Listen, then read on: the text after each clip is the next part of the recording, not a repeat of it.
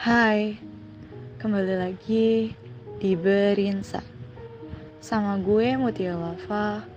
Sekarang gue bakal nemenin malam Senin kalian Bersama cerita-cerita misteri yang udah disiapin sama tim Berinsa.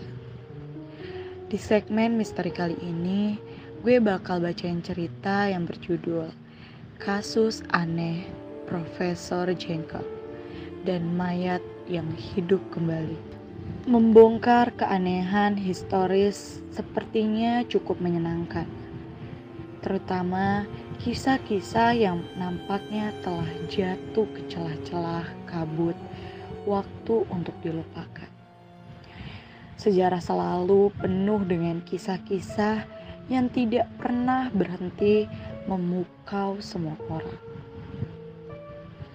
Kali ini ada satu kasus yang datang dari masa lalu dan akan membawa kita ke suasana seram bersama dengan orang-orang misterius dan mayat-mayat yang nampaknya bangkit kembali untuk menjalani kehidupan baru. Sejarah aneh ini akan memanggil kembali seorang profesor kedokteran abad ke-18 di Universitas Halle, Jerman yang bernama Friedrich Christian Janke.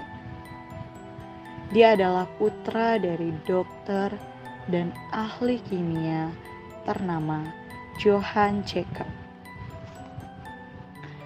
Johann yang merupakan profesor di universitas yang sama dengan anaknya dan pernah menjadi direktur yayasan French yang bersejarah dan merupakan sekolah untuk anak-anak miskin, terlantar, dan yatim piatu. Bahkan yayasan menyediakan perawatan medis untuk orang tidak mampu. LA juga berperan dalam menempatkan health di peta sebagai pusat pelatihan medis klinis yang berpengaruh secara internasional.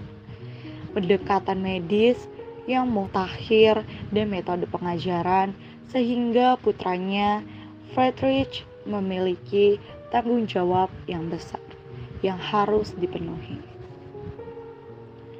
Untungnya, Friedrich telah dikenal sebagai seorang profesor yang baik dan dokter yang hebat. Dia bahkan memiliki pengalaman yang benar-benar luar biasa ketika berurusan dengan mayat yang hidup kembali. Pada masa itu, sekolah-sekolah kedokteran sering kesulitan untuk mendapatkan mayat sebagai bahan pembelajaran dan pembedahan hingga akhirnya beberapa metode mengerikan digunakan dan akan menjadi hal yang patut dipertanyakan serta kontroversial jika dilakukan saat ini. Saat itu adalah era di mana para perampok, makam, dan pencuri tubuh akan menjual mayat yang baru digali ke lembaga medis. Bahkan ada beberapa profesor yang akan menggali sendiri mayat-mayat itu untuk memenuhi permintaan pasar. Namun Friedrich melihat hal tersebut sebagai praktik yang tidak dapat diterima. Jadi, dia melakukan hal yang lebih terhormat. Ia menggunakan tubuh para penjahat yang baru saja dihukum mati.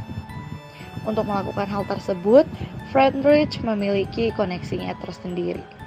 Dan sepertinya ia tidak mengetahui sepenuhnya bagaimana mereka mendapatkan mayat-mayat tersebut. Mereka hanya akan muncul dengan tubuh para kriminal yang sudah dieksekusi dan Friedrich akan menerimanya tanpa ada percakapan apa pun. Suatu malam, Friedrich menerima kiriman yang begitu mengerikan. Tidak hanya satu, tapi dua mayat penjahat yang baru dieksekusi dan dikirimkan langsung ke pintu depan rumahnya. Profesor itu tidak bisa pergi begitu saja ke universitas untuk meletakkannya di ruang. Selain itu, ia tidak memiliki kuncinya. Jadi, hal terbaik yang bisa ia lakukan adalah dengan memasukkan dua mayat itu ke dalam lemari walk-in-nya dan memindahkannya esok pagi. Lemari walk-in atau walk-in closet sebenarnya adalah sebuah ruangan yang dialih fungsikan menjadi lemari. Jadi ukurannya yang bisa sebesar satu kamar. Setelah melakukan pekerjaan melelahkan tersebut, Friedrich kembali ke ruang bacanya. Sedangkan keluarganya yang lain beranjak tidur ke kamar masing-masing. Meskipun kita tidak tahu apa yang mereka pikirkan mengenai dua mayat penjahat yang ada di lemari mereka.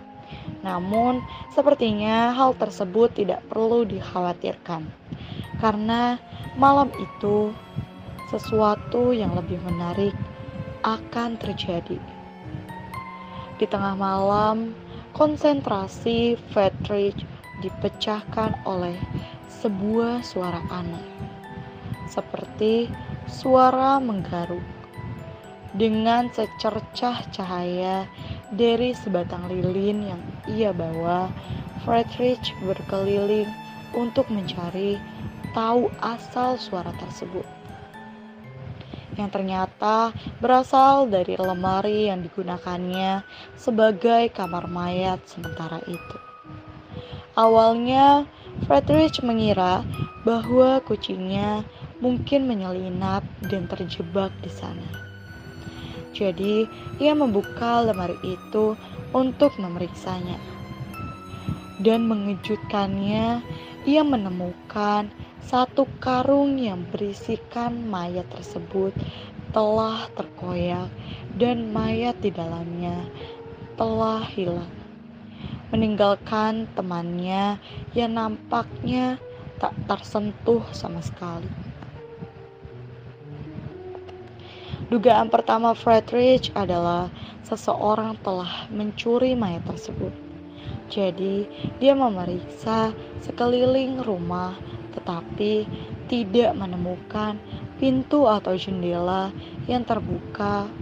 Semuanya terkunci rapat dan tidak ada tanda-tanda penyusup atau pencuri yang masuk secara terpaksa. Dengan kebingungan, ia kemudian kembali ke lemarinya. LE kemudian menatap karung kosong tersebut. Memikirkan segala kemungkinan yang dapat terjadi. Hingga tiba-tiba terdengar suara seperti desahan di sudut lemari. Karena ia hanya mengandalkan cahaya lilin saat itu, ia jadi tidak memperhatikan sudut lemari sebelumnya. Dan kali ini, ketika ia berjalan masuk sana, ternyata ia menemukan sebuah pemandangan yang aneh dan juga menakutkan. Di sudut ruangan, mayat tersebut sedang duduk di atas kursi pria tersebut belum mati. Dan setelah melegakan kerongkongannya, ia mengatakan kepada Friedrich bahwa hal terakhir yang ia ingat adalah eksekusi gantungnya. Dan hal berikutnya yang ia tahu adalah ia terbangun di ruangan yang gelap gulita dan di dalam karung. Dia memohon kepada Friedrich untuk tidak mengembalikannya, karena ia pasti akan dihukum gantung lagi.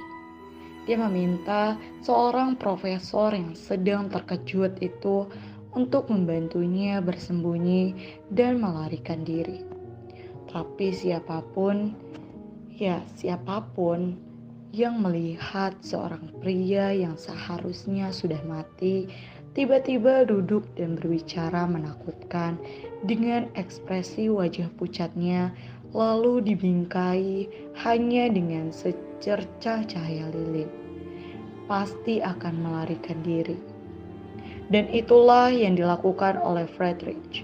Ia secara pasti mulai berjalan mundur menjauhi pria tersebut. Selangkah demi selangkah hingga mencapai pintu keluar. Namun pria tersebut segera berdiri dan mulai mengikutinya. Sosok yang dalam keadaan telanjang tersebut bergerak perlahan. Dan di mata sang profesor, hal tersebut adalah hal yang paling menyeramkan yang pernah ia lihat. Friedrich menjatuhkan lilinnya dan semuanya menjadi gelap gulita. Ia melarikan diri menuju ke kamarnya dan melompat ke tempat tidurnya. Namun ia lupa satu hal. Ia lupa mengunci pintu kamarnya. Pria tersebut berhasil menyentuh Friedrich. Ia mendekatinya dan merangkul kaki profesor itu. Dan hal tersebut tentu membuatnya seketika berteriak. Tinggalkan aku, tinggalkan aku. Friedrich menendang pria tersebut hingga ia melepaskan rangkulannya.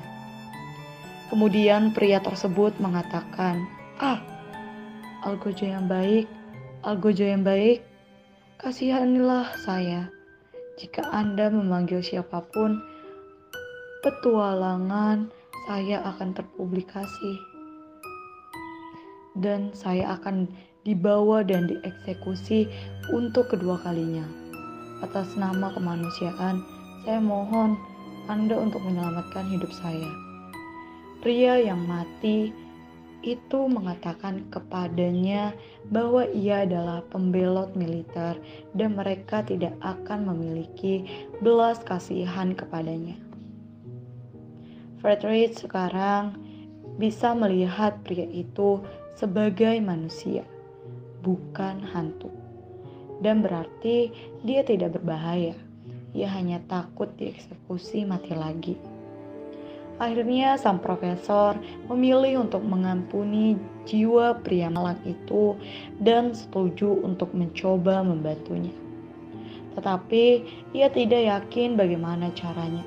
Satu-satunya cara adalah membawa pria tersebut melarikan diri ke Yuris diksi lain dengan cara menyelinapkannya ke kota lain tanpa terlihat.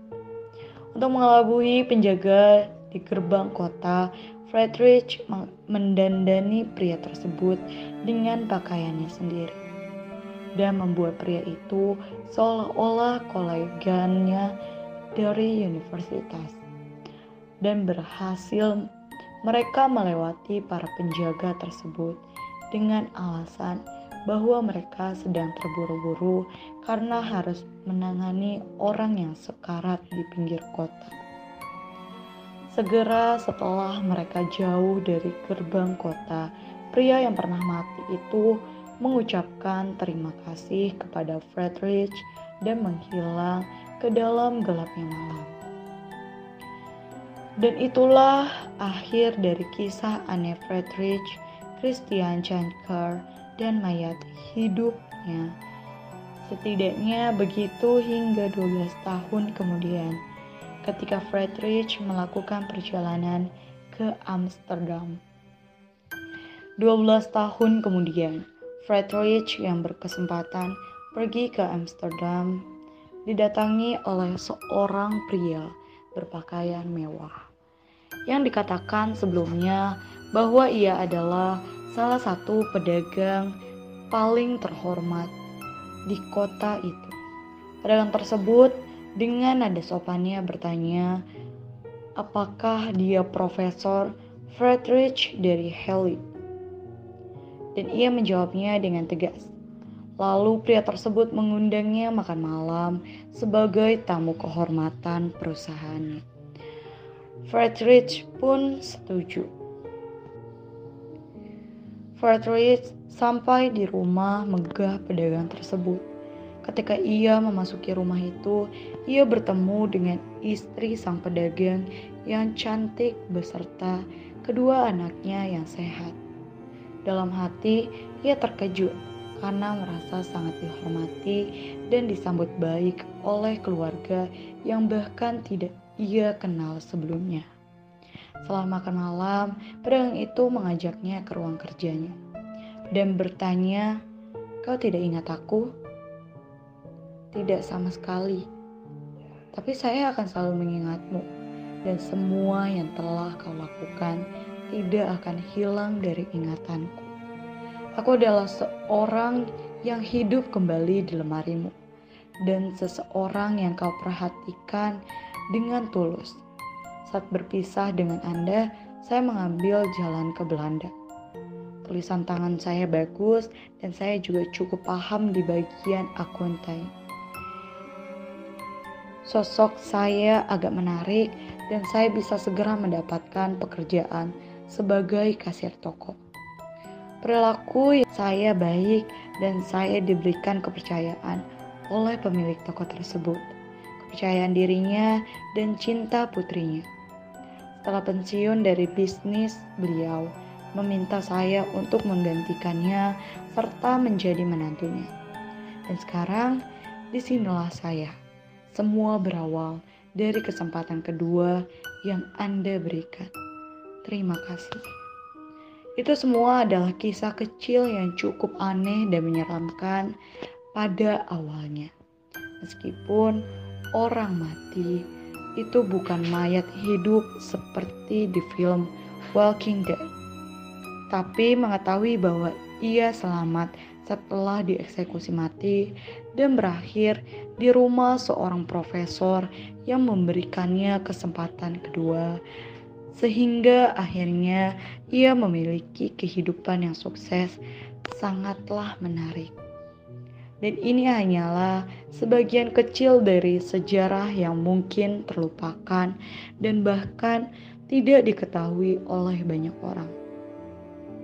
Namun, satu hal yang pasti, jika suatu saat Anda menemukan orang yang diduga meninggal di dalam lemari Anda, dan kemudian ia berbicara dengan Anda, memungkinkan membantunya adalah hal yang baik. Semua orang pantas diberi kesempatan kedua kan? Bahkan untuk seseorang yang seharusnya sudah mati. Oke, segitu aja cerita yang gue bacain. Nanti kita lanjut lagi. Jangan lupa buat dengerin Menisa terus ya. Kalau kalian ada cerita horor, misteri, romance, atau random lainnya, kalian bisa DM di Instagram kita at osissmkbw2. Sampai bertemu di segmen misteri selanjutnya. See you.